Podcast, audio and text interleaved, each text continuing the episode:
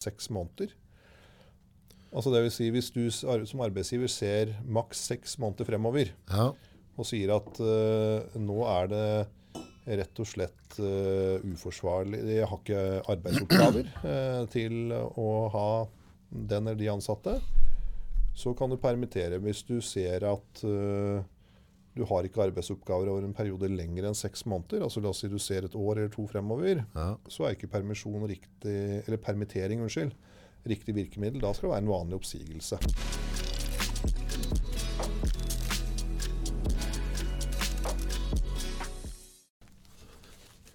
Da prøver vi. Ja, 3, 2, 1. Velkommen til Nordpodden, advokat Mauris Årskog. mange takk. I dag skal vi snakke om eh, et tema som interesserer folk utrolig mye. Permisjon, sykefravær, altså rettigheter. Nå har det skjedd veldig, veldig mye her. Og jeg klarer ikke å holde oversikten. Nei, det er vel få som gjør det nå, for det, nå er det jo mye endringer på gang. Eh, men med den eh, koronakrisen som kommer, så vil jeg få innvirkning både for ansatte og for arbeidsgivere.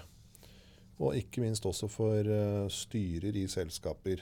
Altså Hvis vi starter helt på toppen, for å kalle det da, i virksomheter, så er det et styre. Mhm.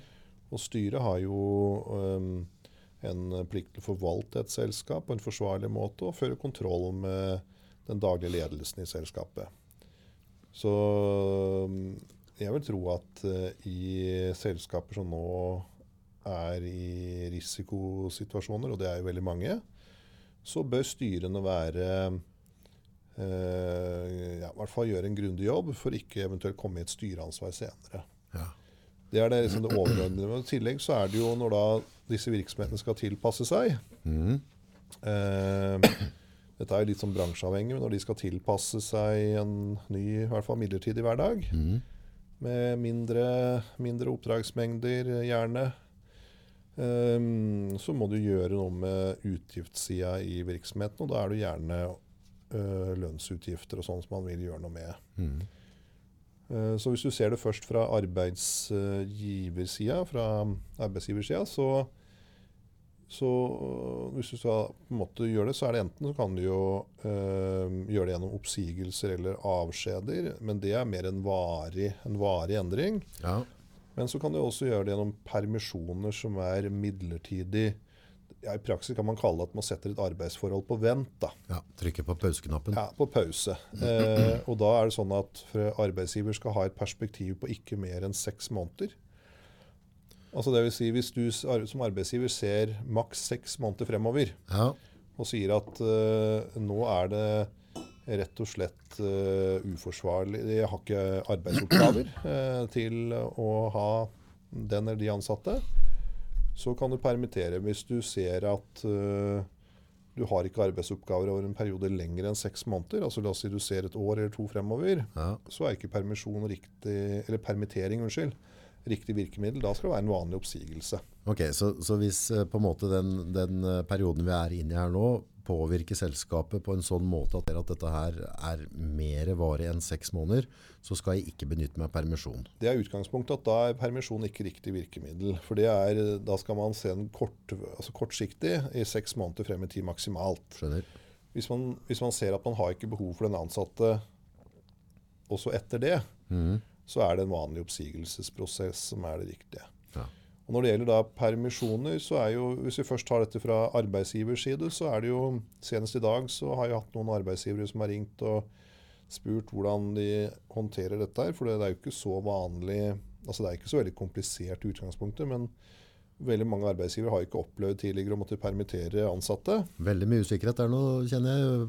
Hører Det- folk som snakker rundt. ja, det, det er det. Så jeg har hatt flere arbeidsgivere på tråden i dag. og Hvis man tar sånne helt korte trekk reglene, så er det jo eh, Arbeidsgiver må først gjøre en forsvarlig vurdering av eh, om man har arbeid. Eh, til inntektsgivende arbeid. Ja.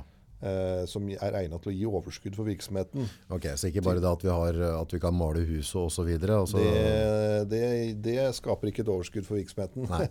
Men hvis du, du må ha inntektsbringende arbeid, hvis du ikke har det, så, så er det en situasjon hvor, eh, hvor man kan uh, iverksette permitteringer. Og da må man jo noen virksomheter kan jo være nødt, uh, nødt til å permittere alle.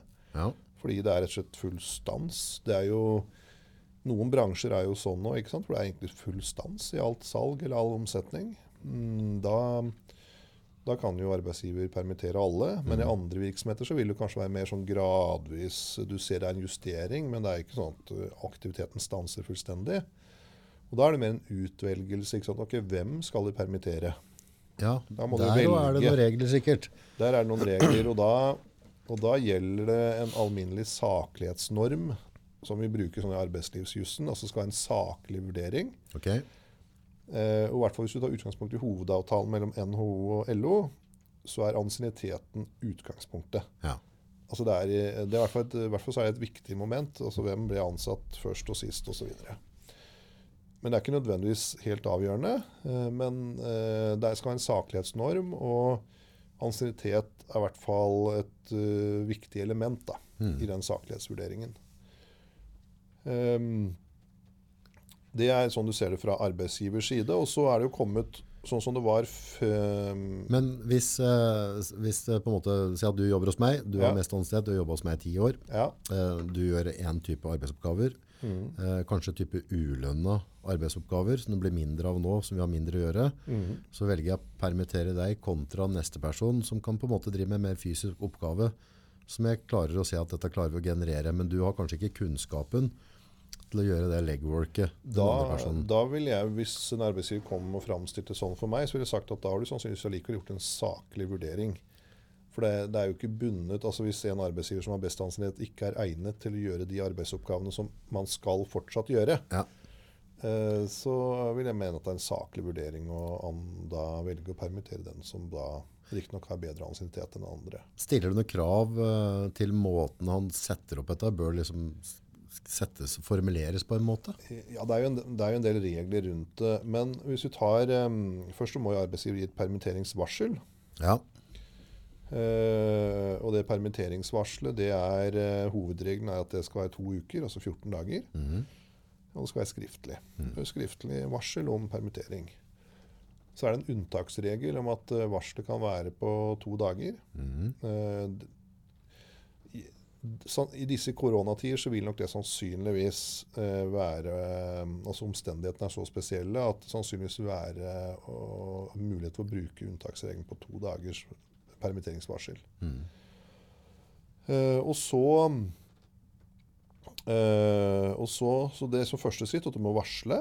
Uh, og så er det jo faktisk gjennomføre permitteringen, og da må du ha, velge ut da, ikke sant? hvem er det som Da må du ha en saklig vurdering. Eh, og så er det sånn at når du da har permittert, så var det tidligere slik at man hadde 15 dagers arbeidsgiverperiode. Stemmer. Så du måtte betale full lønn i Full lønn. 15 dager. Men det er nå endra. Det var jo mye aktivitet på Stortinget både fredag den 13., var det vel, og nå på mandag 16. Av alle dager, fredag den 13. Det var, og gjennom helga. Og da Et av de tiltakene som man da har eh, kommet opp med, det er eh, at man skal forlenge Altså arbeidsgiver skal slippe med å betale to dager. Men arbeidstaker for å si, altså Man har forsøkt å stikre arbeidsgiver med at du ikke skal betale da, full lønn i 15 dager, men bare i to dager. Eh, og, men skal, skal arbeidstaker være sikra full lønn i 20 dager. Det vil si man gjør denne perioden fra 15 dager til 20 dager. Ja. Så sier man av denne perioden på 20 dager så skal arbeidsgiver dekke de to første, og staten de 18 siste. Det er bra. Eh, Så det, det er for at arbeidsgiver skal få raskere effekt da, av tiltakene sine, og at arbeidstaker skal være sikra ja, Det er jo ikke rare forutberegninger, det er jo bare 20 dager du snakker om, men det er i hvert fall mer enn, litt mer enn 15 dager. Ja. Eh, og, og da har man full lønn. Men når de 20 dagene er ute, eh, så går det over på en dagpengeordning. Um, og det vil for de aller fleste bety en inntektsnedgang. Um, det er også der foreslått noe endra regler. Altså disse, Alle disse forslagene de vil sannsynligvis bli vedtatt på fredag. Ok, Nå så på kjapt. fredag. Ja. Sannsynligvis nå på fredag. Eh, og det som er forslaget nå, er at hvis du da har en eh, årslønn på det er vel under 3G, dvs. Si omtrent 300 000, under 300 000, så skal du være sikra 80% av inntekten din. Eh, hvis du har en inntekt opptil eh, 6G, eh, så skal du være sikra er det 64 er det 62,4 Mhm. inntekten din. Eh, hvis du har da inntekt over 6G, dvs. Si over 600 000 røftlig, så har du ikke noe ytterligere sikkerhetsnett. Eh, det vil si at for de Ok, så du får ikke noe høyere? Nei. du får ikke noe mer da når du går på dagpengesats. Så da eh, Jeg hadde en samtale med en, en av de som jobber hos meg i dag, som har da en lønn på akkurat 600 000. og han nå har ikke vi noen planer om å permittere, men eh, han fortalte at for han så vil det være å gå ned i praksis til 380 000. Ja. Det er ganske dramatisk. Fra 600 000 Ja. årslønn til at 380 000. Ja. Eh, Og der er det å skille akkurat på rundt på den 3G-en. Fra, så hvis du har mer enn 3G, så er det 64% Har du under, så er det da 80 Ja. Ja. Ehm, og over 6G så er det ikke noe ytterligere sikkerhetsnett. Ehm, så da er det over på dagpenge, uh, en dagpengeordning. Mm. Um, uh, så det har man da forsøkt å iverksette. um, det man, altså dette er jo litt Som jurist så vet jeg ikke om jeg knapt nok har råd, eh, lov til å gi sånne typer råd, men eh, alle som på en måte er litt sånn bevandra i Nav-regelverk, eh, vet jo at eh, eh, sykemeldinger Mhm. Da har du ikke Hvis du sykemelder deg, så får du på en måte utgangspunkt samme lønna fortsatt, i hvert fall en Mm, periode.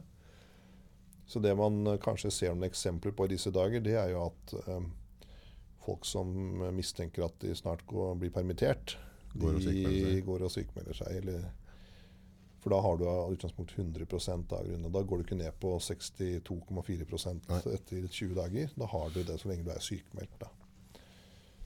Um, så det er, um, det er ikke noe man kan anbefale, men uh, det, sånn er nå regelverket. Um, sånn er det. Så har man også gjort noen tiltak, fordi det er jo skoler og barnehager er jo stengt. Stemmer. Så det er jo mange som uh, må være hjemme med, om ikke sykt barn, så i hvert fall barn som ikke kan være i barnehage. Ja. Eh, og da har man eh, hatt regler om eh, eh, Utgangspunktet i folketrygdloven har vært at eh, man Det er også en arbeidsgiverperiode. Mm. det er da per år, mener jeg husker at det går på. At, en ansatt, at arbeidsgiveren må dekke den ansattes lønn for ti sånne dager. ja. Sånn ett barn, da. Så er det ti sånne hjemmedager med barn. To, så er det 20. Ja, jeg tror det er sånn, ja. Eller ja, det er noe i Ja, den retning. I hvert fall. Eh, og så da har man eh, også gjort lignende tiltak, i hvert fall i dette forslaget, som nå sannsynligvis blir vedtatt på fredag. Eh, at arbeidsgiverperioden går ned til tre dager. Mm. Slik at eh, hvis man har en arbeidstaker som var hjemme med barn da i tre dager, så er det de tre dagene som har arbeidsgiverperiode, og så går det over på staten på en måte. Deretter. Ja.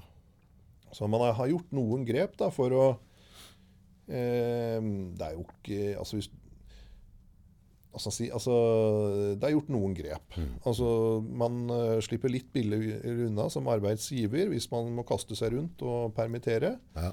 Eller hvis, um, hvis eh, ansatte er hjemme med barn. Og, og de ansatte får en litt bedre løsning enn de ellers ville hatt. Men det er ikke eh, Altså, du hører ut fra det jeg sier, det er, det er jo ikke de revolusjonerende tiltakene. Det er en justering. Det Så, kommer, det så til å bli tøft allikevel hvis dette kommer til å vare. det gjør det helt sikkert. Det gjør det helt sikkert. Så det er um, ja, I hvert fall de som jobber i bransjer som er hardt ramma, så vil man nok kun- kunne gå på noen smeller både som arbeidsgiver og som eh, arbeidstaker. Rent sånn uh, juridisk, da, hvis du skal starte den prosessen, hvis du bare tar meg litt gjennom den prosessen, hva, hva bør en tenke på, sånn step by step, hvis vi skal kjøre en permittering? Nå, var det jo på en måte, nå er vi kanskje i den perioden der at vi kan faktisk varsle på to dager Mm, og også, ja. med en gang. Da. Altså Naturlig hvis du ser det fra arbeidsgivers side. Da. Hvis du tenker at her er det en arbeidsgiver som ser at eh, ok, vi, vi prøver inntil videre å holde skuta sånn den er, men eh, det, det kan nok hende vi må justere litt. Så er det jo, det ligger jo til daglig leder. Mm. Altså, eh, hvis vi, de fleste er jo aksjeselskaper. De fleste virksomheter er aksjeselskaper. Det er jo noen enkelt mindre foretak som er enkeltmannsforetak og sånn, men hvis du tenker på størrelse, selskap av litt størrelse, mm. så er det gjerne aksjeselskaper. Og i aksjeselskaper så er jo styret den øverste myndigheten. Mm. De kan ha spesielle plikter i en sånn situasjon som dette, for de har en forvaltningsplikt eh, av selskapet og en kontroll, plikt til å kontrollere den daglige ledelsen. Så de som sitter i styrer nå i selskaper som forventer å gå inn i litt hardt vær, mm. eh, de må være ekstra påpasselige på å utføre styrearbeidet sitt på en eh, god måte og dokumentere det de har faktisk gjort. Hvis du, ser det, hvis du starter der i styret, så er det Hvis du tenker på styreansvaret Kan styret permittere den daglederen? Ja, Ja. fordi det er styret som er dagleders arbeidsgiver. Ja.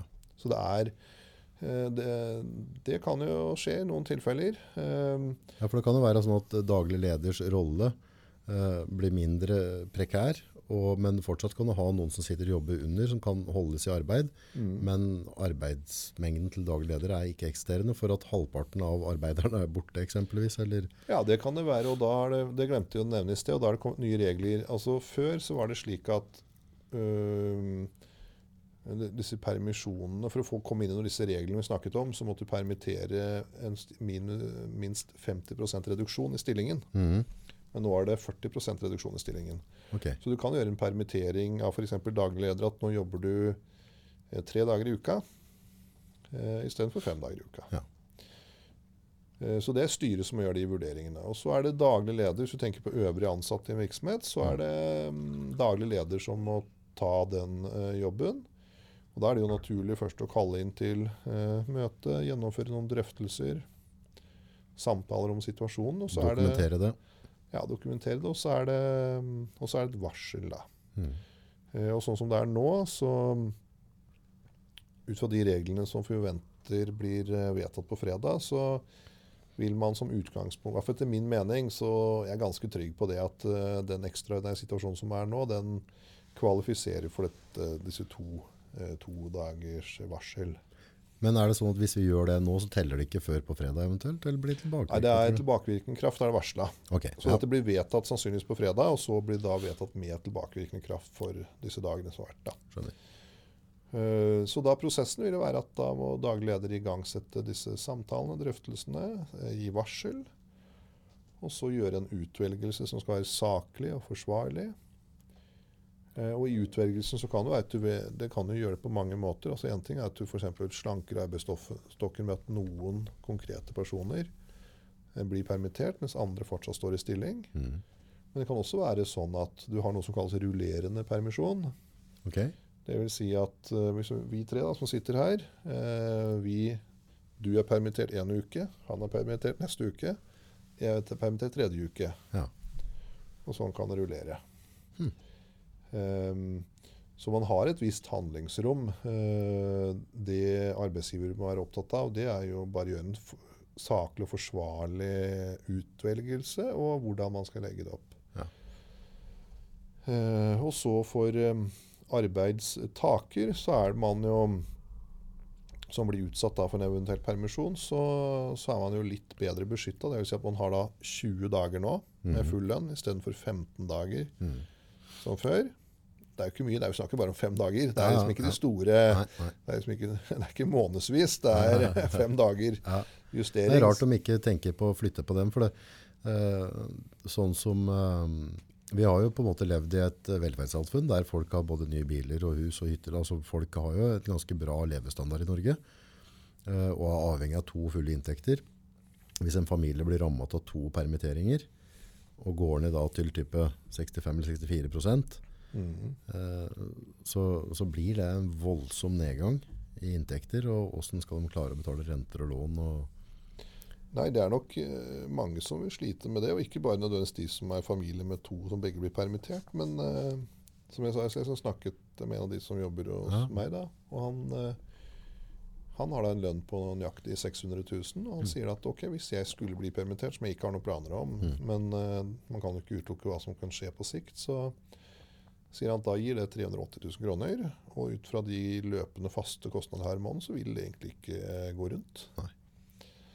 Eh, så det er nok en del som vil kunne komme i en sånn situasjon. Det så- tjener jo ikke staten noe på, at ting ikke går rundt i det norske samfunnet. Vi nå, Nei, da må man jo på en måte tilpasse en ny virkelighet. Men staten har gjort noe. Men som, hvis vi tar utgangspunkt i disse fra 15 til 20 dager med full lønn altså det er ikke, Vi snakker ikke om uh, det høres så flott ut når du sier 20, men det er, bare, det er bare fem dager økning. Det er ja, jo ingenting. Det er fem dager Ja, økning. det er jo ikke arbeid, det. Det vil si, det du har gjort, da, er jo at staten har uh, Før så hadde jo arbeidsgiveren i første 15 dager. Mm.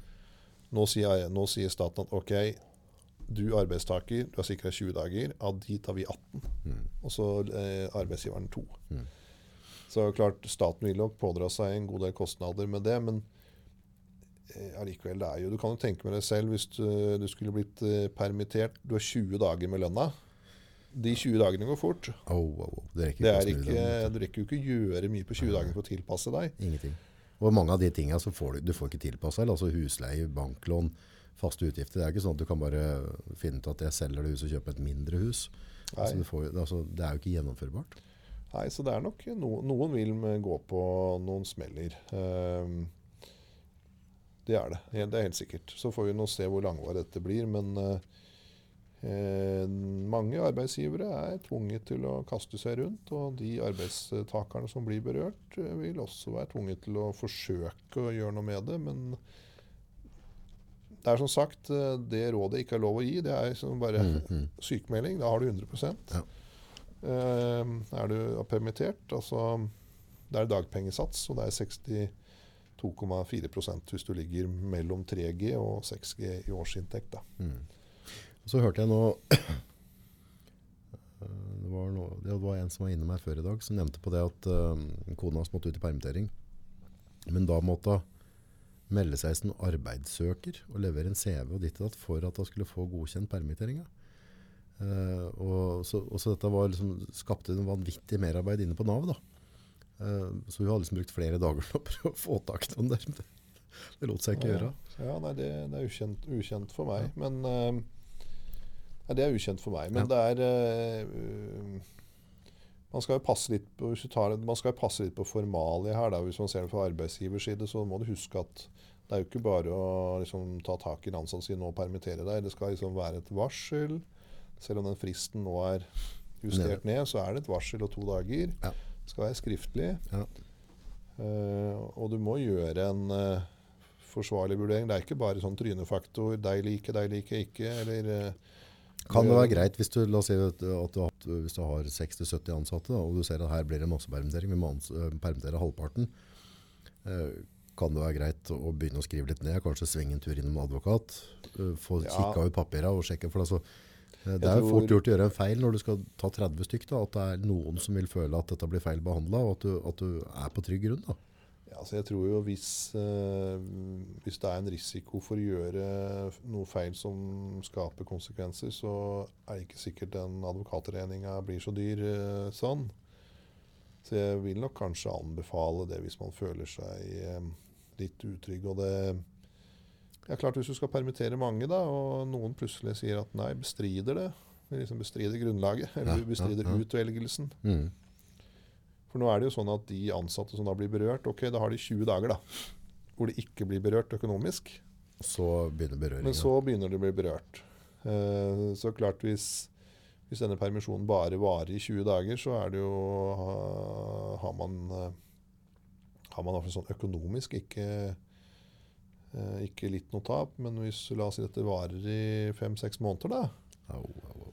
så er det jo klart at det er mange ansatte som kanskje ikke Eller kan ha lyst til å bestride det og si at nei, det var ikke saklig rundt å velge meg, du skulle valgt noen andre. Eller jeg Ja, noe sånt. Ja, det vil, Eh, altså dette, vil jo, dette berører jo folk på, på det næreste, så at det vil bli noen konflikter her, det, det hersker liten tvil rundt. Så da kan det nok være klokt å ja, det, det får nå hver enkelt arbeidsgiver vurdere selv, men det er i hvert fall som alt annet eh, du må se på en måte hvis du gjør feil, hva er konsekvensene? Hvis konsekvensene av å gjøre feil er store, så er det en, kanskje en billig forsikring å redusere den risikoen. Ja. Ved å snakke litt uh, med en advokat rundt det. Og det er ikke nødvendigvis så veldig vanskelig, dette her. Men du må bare følge formalia riktig. Uh, ikke ta liksom bare de snarveiene du har kanskje har lyst til å gjøre der og da. Gjør det riktig, og så og gjøre vurderinger du kan stå inne for. da. Der har du eksempelvis du da, du har jo da folk som vet hvordan dette skal være. I forhold til med hvordan kontakte Nav og frister og alt dette. dette det er et oppsett på det som går an å følge sikkert. Ja da, det er det. Så, men jeg tror nok at ganske mange arbeidsgivere håndterer det sjøl. Altså de jeg snakket om i dag, de hadde et, et spørsmål. En som hadde en eh, ansatt som var sjukmeldt. Ja. Så lurte jeg på om man kunne permittere han. Ja. Så det måtte jeg da avklare at eh, ja, det er det adgang til, men det må jo være en forsvarlig vurdering bak den utvelgelsen. Ja. Og da kom jeg fram til at det sannsynligvis ikke var forsvarlig i det tilfellet, for den ansatte hadde veldig god ansiennitet. Mm. Uh, Og kunne gjøre samme oppgaven som andre kunne eventuelt gjøre. ja, så det, det var litt sånn tvilstilfelle, for da kan man jo si ehm, ja, altså, Etter min vurdering så jeg rådet i hvert fall den, den arbeidsgiveren til ikke å teste det spørsmålet. Nei. For, uh, klart, for Hvis du står på arbeidsgivers side, så der har du en som er sjukmeldt. Det er liksom veldig enkelt å bare få han uh, ut på en permittering. Ja. Um, men, uh, men når han hadde så god ansiennitet, så tror jeg at hvis den arbeidstakeren hadde valgt å sette seg på bakbeina, så var det en fair risiko for at det ikke ville stått seg. Mm.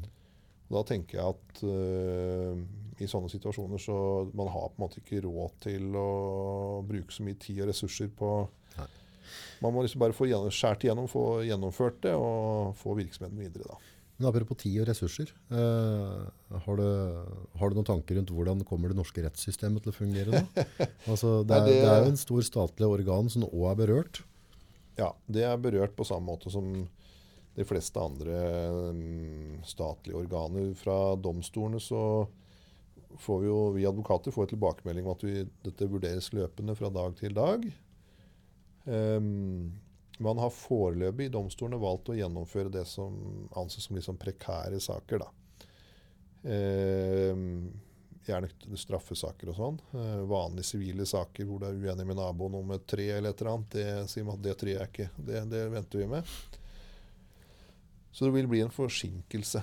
Mm. Det vil det bli. Eh, og hvis du ser det på advoka fra advokaters side, så jeg, jeg tror ikke at advokatbransjen er den bransjen som Det er i hvert fall ikke den bransjen som blir berørt hardest. Nei. Men advokater som eh, jobber nesten bare med strafferett, f.eks., Mm. Eh, De vil bli berørt ganske kraftig når domstolen da justerer ned eh, aktiviteten sin. For da De lever jo av å være som strafferettsadvokater, så lever man jo av å være i retten nesten hver dag. Og når da retten ikke har så mye saker, så vil, man bli berørt med Vi skal jo ikke samle så mye folk i samme rom om dagen, så vi skal Det- prøve å unngå dette. Det skal man ikke, så Men jeg prata med en som, som sa et navn på en eller annen lov som jeg da så klart ikke husker. Men det var i sånn forhold til at det er en eller annen type lov som tilsier at du, ved en naturkatastrofe, ekstrem greie, at du kan på en måte trekke tilbake en bestilling. Ja, altså det, det, Jeg vet ikke om det er en lov, men det er noe som kalles force majeure. Der var det, det jeg ikke prøve å si opp at en gang. Hva, ja, kalte du det for noe? Eh, Force majeure. Ok, Force majeure. Altså force majeure det er et um, begrep da, i kontrakts- eller obligasjonsjussen, som vi jurister kaller det. da, ja. Om ekstraordinære hendelser som inntreffer, som kan på en måte sette forpliktelser til side. ja. Det er jo typisk krig eh, eh, Ja, ja det er blant annet eh, sånne store, eh, omveltende, uforutsette hendelser. ja. Så jeg hadde en Ja, apropos det. det var, jeg hadde et oppdrag for, uh, i høst her som klienten da fikk regning, og så ville han ha betalingsavtale. Og så sa jeg greit, du får betalingsavtale. Mm. Så kom han til meg nå i forrige uke og sa at nå måtte han vente litt, for det var force majeure. ja. Så da valgte jeg inn til det standpunktet at det er nok ikke force majeure enda, men uh, det kan nok, uh, kan nok komme dit ja. etter hvert. Ja. Uh, men jeg, så, han sa at greit, da finne en løsning. Så det, det ble ikke spissa den problemstillingen. Men det som skjer nå, det kan nok tenkes at det kan komme innunder en force majeure-betraktning. Men hvem er det som benytter, hvem er det typisk som kan benytte seg av det? alle kontraktsforhold. Så Altså, det- det er det- jeg har bestilt et nytt kjøkken som skal Ja. komme nå i mai. Altså I alle kontraktsforhold så er det et sånt uh, alminnelig kontraktsrettslig prinsipp, for å kalle det det. da. Mm. At uh, force majeure-hendelser kan, er det er ikke sånn at det skal, men det kan være egnet til å sette kontrakter og forpliktelser til side. Ja. Hvis du har gjort f.eks. bestillinger eh, jeg, vil tro, jeg vil tro at selskaper som eh, er i bransjer som nå er veldig hardt ramma, mm. som på en måte rett før dette kom opp, hadde gjort store bestillinger for store nyinvesteringer, altså for høy aktivitet, kan kanskje forsøke seg på en sånn, eh, sånn innfallsvinkel overfor en leverandør. Og si at jeg, jeg, har faktisk ikke eh, bruk for dette, denne leveransen, jeg har heller ikke råd til det. Dette er basert på, basert på en planlagt aktivitet som nå faller fullstendig bort. Av helt uforutsette hendelser. Eksempel eh, at, eh, at jeg hadde hatt en firmabilflåte på, på 90 biler. eh, og så tenker jeg at nå bestilte jeg da 90 nye biler som skal leveres da i juni. Mm. Og nå ser jeg at jeg permitterer 70% av mine arbeidere. som skulle brukt de bilene. Ja. Så kunne, altså jeg er litt usikker på om jeg, jeg tør ikke å sitte her og si at det nødvendigvis er holdbart, men da er i hvert fall i nærheten av noe som kan være, eh, kan være juridisk holdbart. Ja.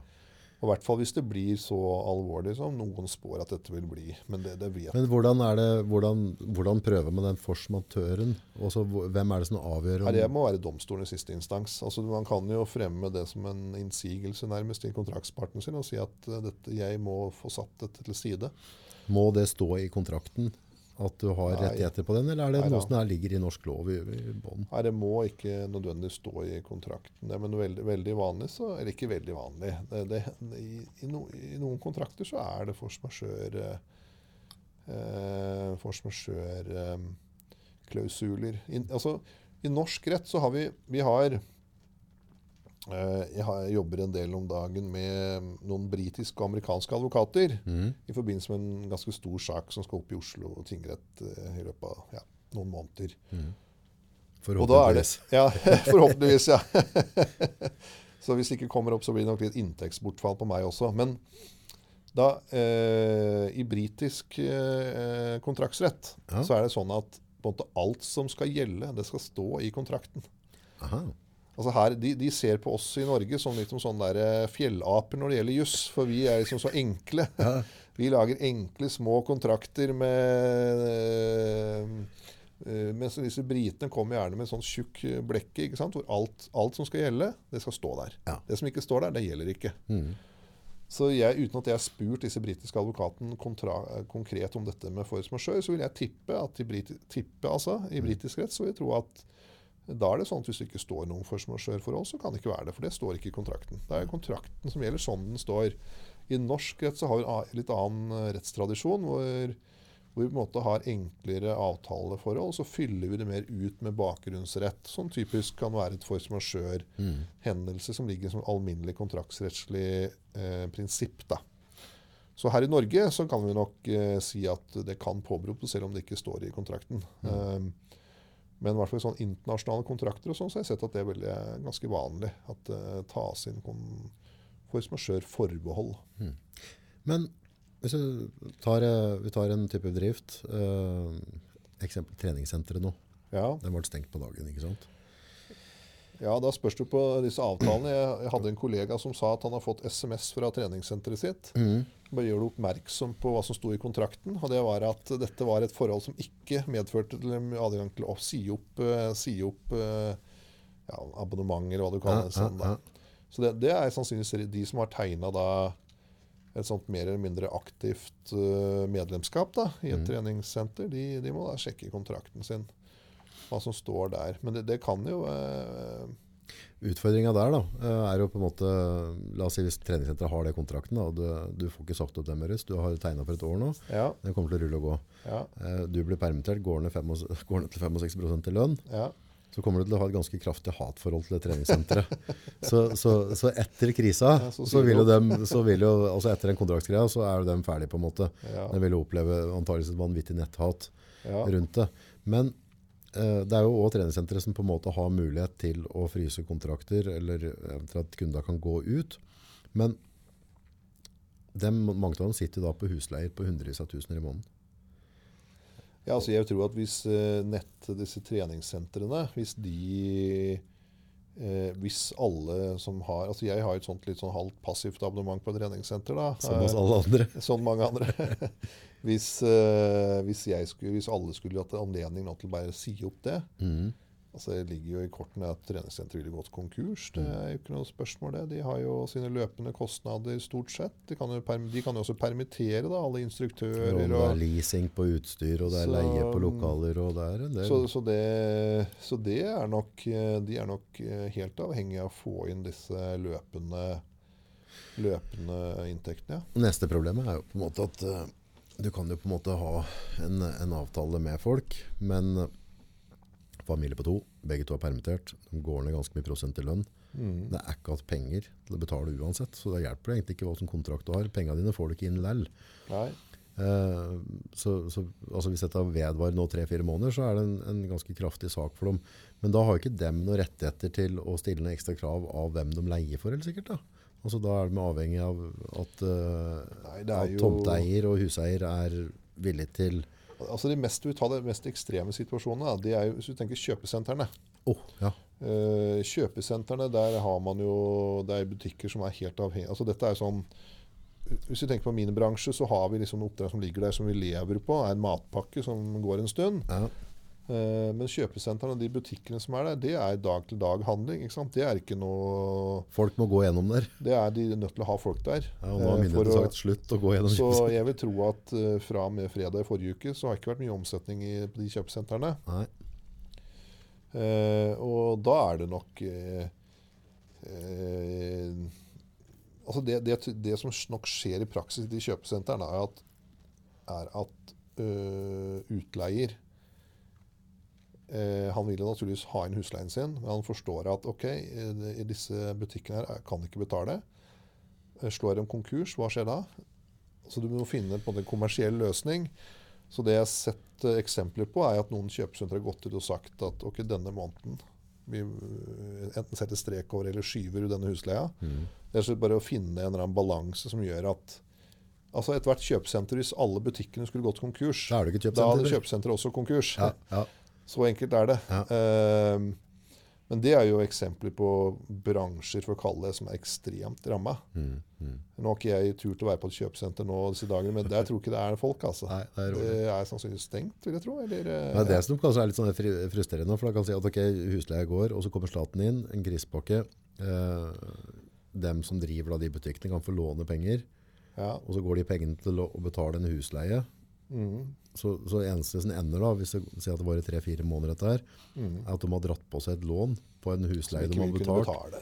Så- Med, med normale marginer og sånn. Så, Det blir jo veldig vanskelig, og, for det, du vil jo være bakpå uansett. da. Så hvis du sier at vi er i full gang gjennom fire måneder, så har de bare dratt på seg lån på et eller annet som ikke har generert noen ting penger. Normalt sett så låner du penger for å generere mer penger. Det er et fornuftig lån. Mm. Men å, å få et lån for å kjøpe noe du ikke får noen ting ut av Nei, det er jo et lån eventuelt bare for å, for å kunne betale midlertidig sine, utgifter. Da. Og Mm. så får man håpe at man har såpass god forretning etterpå at man klarer å dra med seg det lånet. Men det er jo ikke noen garanti. Det er ikke mange forretninger som tjener så gode altså, Jeg tror det er sånne, veldig veldig mange små forretninger går fra måned til måned. Og det er, ganske, det er ikke veldig mange som har marginer med de skatter og avgifter vi har i dag, og lønnsutgiftene.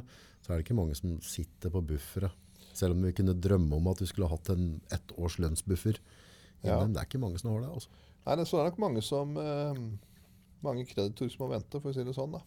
Håper staten bretter opp armene og så gir litt så det, så det smaker litt. Ja, altså De har jo starta, som vi har sagt nå, men det er jo ikke altså, Hvis dette er en stor krise Vi vet jo ikke omfanget ennå. men hvis dette er en stor krise, så er jo ikke de tiltakene som er gjort så langt, noe voldsomme. Altså, sånn som vi tok da arbeidstakers eh, eksempel ved permittering. ok, man Før fr Fram til forrige fredag hadde han visst han hadde 15 dager. Mm. Nå etter forrige fredag, og som blir vedtatt nå på kommende fredag, Ja. ok, det er 20 dager. Det er fem dager mer. Det er én arbeidsuke mer. Ja, ingenting. ingenting. Det er, det er jo ikke, det er klart det er ikke mye mer ro i sjelen du får fra de fem dagene. Nei, og så hjemmeskole attåt, da. Det blir ikke mye ro i sjela attåt. Så, nei, Jeg så, ser, ser det begynner å slå sprekker hjemme allerede. Med, med minste mitt på seks, seks år. Hun er litt uh, trøkk i da. Ja. Eh, flott lita jente. ja, Men, eh, men det, det, er, det er noe energi til når ikke hun får vært på skole SFO. Altså. ja, ja, Og ikke treninger, ingenting. Så hun drev bærer rundt på en sånn 8 kilo kettlebelt på kvelden der, for, å, for å få til seg litt energi. ja nei, det, er, det er noen utfordringer, så Nei, altså Det kan jo komme mer også, men hvis dette blir varig, og hvis eh, staten eh, eh, ikke ønsker at nærings, store deler av næringslivet skal bli veldig hardt ramma, så er det sterkere lut som må til enn det vi har sett nå. Men dette er jo i hvert fall en start. Er start. Så får vi nå se. Det er det, Vi vet ikke hvor lenge det varer. Nei. Det, Vi håper, håper vi har gjort gode nok tiltak nok, så at vi klarer å ride av ganske raskt nå. At vi ikke vi Ja. ender i en sånn uh, Italia-bolk. For det der nede så er det ikke bra nå. nei, det, det får vi virkelig ikke håpe. Så um, det blir Det er spesielle Nei, det får vi ikke håpe. Så mm, det er spennende tider. Spennende tider. Det er det. Hvis det er noen andre som har noen spørsmål eh, til Årskog angående ting vi kan komme fram med nå, så er det fritt fram å, å, å slenge på et spørsmål i kommentarfeltet under, eller om du sender det på personlig melding til oss.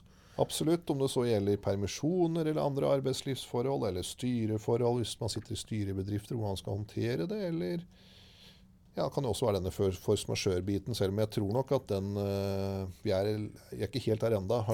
Må vente en uke til. En uke til, ja. Og så er vi glad i å få en tommel opp. Ja. Ja. Takk. Tusen takk for at du tok tid. Likeså. Takk skal du ha.